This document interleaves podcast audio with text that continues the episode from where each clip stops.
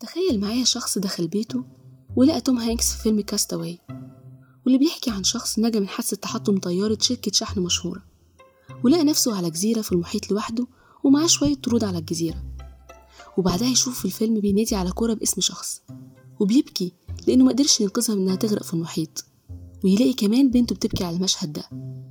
أول فكرة هتخطر في باله إيه الممثل العبيط ده؟ وإيه البنت الهبلة دي؟ مش عارف هي ورثت الهبل ده من مين. مين يعيط على كورة أصلا؟ ومين يأثر في مشهد أهبل زي ده؟ الجواب كان سهل جدا لأنه ما شافش الفيلم. ده لأن عينينا مش بتشوف لوحدها. دماغنا كمان بيشوف. عايز تعرف إزاي؟ هنعرف دلوقتي ولكن لازم نفكركم إن معاكم داليا إبراهيم. نورهان حسام. دعاء برباوي. وده بودكاست نوت أكيد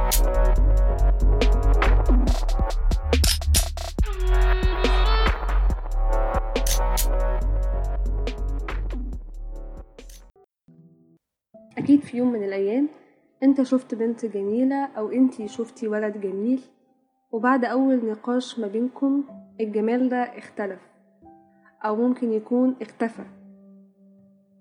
على الرغم من إن الشخصية اللي أنت أعجبت بجمالها دي هي هي ما اختلفتش. بس إزاي جمالها اختلف؟ إزاي مع الوقت الملامح نفسها في نظرنا بتتغير؟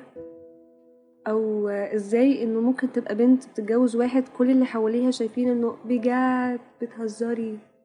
انتي شايفاه أوسم واحد في الدنيا إزاي يعني؟ كده يعني.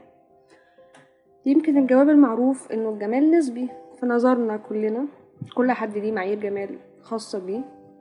بس ده مش بيفسر برضو ليه شكل الشخص يتحول في نظرنا من جميل لعادي لمش جميل وهكذا. حتى كتير إن إحنا ممكن نشوف أشخاص لأول مرة ونكون في دماغنا صورة عن الشخص ده إنه كذا وكذا وكذا وصفات حلوة يعني. وأول ما يتكلم بتبدأ أجزاء كتير من الصورة دي تنهار. ممكن يبان إنه شخص حكيم رزين عاقل مرح. ممكن بعد ما تحكي معاه يبان إنه شخص تافه مثلا والعكس كمان صحيح. وده ببساطة لأن عينينا مجرد أداة من الأدوات اللي دماغنا بتشوف بيها. عقلنا بيشوف بطريقتين. عنده نوعين من الرؤية. ده وضحه لنا الباحث اسمه جيسبر كليمنت من كلية كوبنهاجن للأعمال. النوع الأول اسمه الانتباه التوجيهي. ده عقلنا بيستخدمه عشان يحمينا من إن إحنا نخبط في حاجة وإحنا ماشيين نختار أحسن طريق نمشي منه حاجات زي كده يعني. النوع ده بيبقى محتاج طاقة أقل من المخ عشان يحلل الصور اللي جايله من العين. لكن أول ما هتشوفي وانت ماشية في الشارع فستان حلو فجأة مخك بيتحول على النوع التاني. بيقعد يفكر آه الفستان ده عندي زيه في البيت طب آه أجيب له جزمة شكلها إيه؟ طب إيه الطرحة اللي تمشي عليه؟ طب الشنطة هيبقى شكلها إيه؟ طب إيه الأكسسوارز الحلوة ليه؟ ده بيبقى محتاج طاقة كبيرة جدا من الدماغ عشان يحلل كل تفاصيل الفستان ده ويقارنه باللي زيه في البيت والإكسسوارات المحتملة والحاجات دي كلها.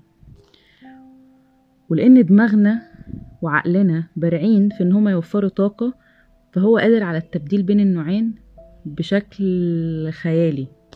عشان كده إحنا مش هنمشي نستكشف كل شيء في الشارع أو مش هنمشي نشوف كل الوشوش ونقعد نحلل فيها. عشان كده إحنا مش بيجذب انتباهنا كل التفاصيل اللي بتترجم لحاجات جميلة أو جديرة بلفت الانتباه. وعلشان دماغنا بيبقى عايز يوصل لأسرع صورة عن الإنسان اللي قدامك دلوقتي فهو مش بيديلك النتيجة بناء على الصورة اللي شفتها بس. هو كمان بيقعد بقى يكمل المعلومات الناقصة من حياتك وخبراتك والمواقف اللي عشتها في حياتك. النتيجة بقى بتكون إن الشخص اللي بتشوفه جميل دماغك هو اللي شافه جميل مش عينك بس. دماغك كمل كل حاجة ناقصة من معلومات ومواقف. فأصبحت الملامح دي فيها صفات جميلة بتنجذب ليها.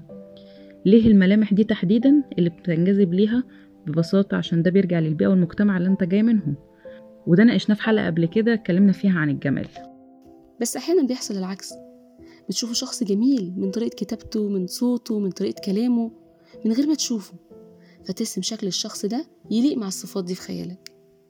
وده معناه إن دماغك شاف الشخص ده بس من غير ما يكون عنده صورة من العين. وغالبا بنتصدم لما نشوف الصورة الحقيقية سواء أجمل أو أسوأ. وده لأن ده بيهد كل الخيالات اللي بناها دماغنا. ال social media عملت mix لذيذ من ده ومن ده خصوصا الإنستجرام. لأن دايما الناس نفسها في أفضل لحظات حياتها. وفي أجمل شكل ليها وأحلى لبس.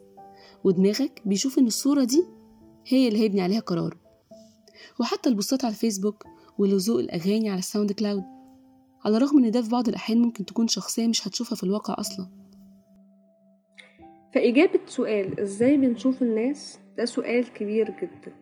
إحنا بنحاول نوضح جزء منه. لأنه ومع الوقت نظرتنا للناس بتتغير على حسب المواقف. وحالتنا النفسية وتجاربنا وطريقة تفكيرنا في الوقت ده وعوامل تانية كتير. بس ده ما يمنعش إن أنت لو حبيت بنت من صوتها آه إن ده مثلا آه إن هي كده شكلها وحش في الحقيقة أو إن شخصيتها وحشة. إحنا بنقول ركزوا وما تحكموش بسرعة. طيب إزاي الناس بتشوفنا؟ ده يمكن السؤال اللي كلنا بنفكر فيه. في المثل بتاع الفيلم اللي قلناه في الأول اللي هو كاستاوي الشخص حكم على الممثل إن هو أهبل لأن هو بيعيط بحرقة على كورة. هو ما كانش عارف معاناته قبل ما يوصل للحظة دي.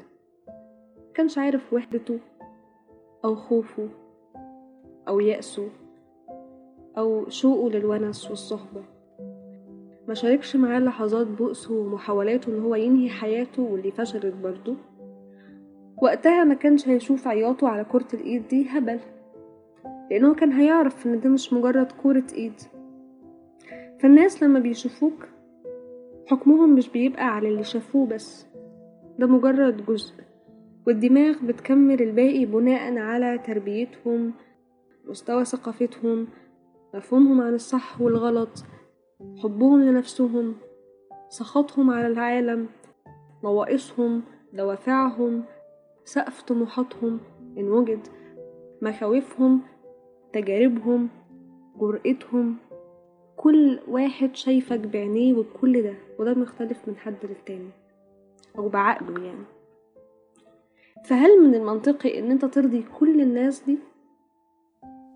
أكيد وقتها هتبقى إنسان مسخ ومش هتعرف نفسك لأن أنت هتبقى حاول بتحاول تكون نسخة من ناس تانية. فده لازم يخليك تفكر إن حتى لو شفت شخص ما تحكمش عليه على طول. لأنك شايف مجرد صورة سطحية ودماغك بيكمل الباقي ده. وهنا بنكون وصلنا لنهاية حلقة النهاردة. تقدروا تدعمونا بتعليق نصي أو صوتي أو اقتراح أو تقييم في المكان اللي أنتوا دلوقتي بتسمعوا فيه البودكاست. بنتمنى إنكم تشاركوا الحلقة مع أي حد مهتم بالموضوع وتقدروا تتابعونا على وسائل التواصل الاجتماعي. بالبحث عن بودكاست نقطة بالعربي أو الإنجليزي. كل المصادر اللي أنتوا عايزينها هتلاقوها في وصف الحلقة. ممكن تدوروا أكتر. كان معاكم نورهان حسام. سلام.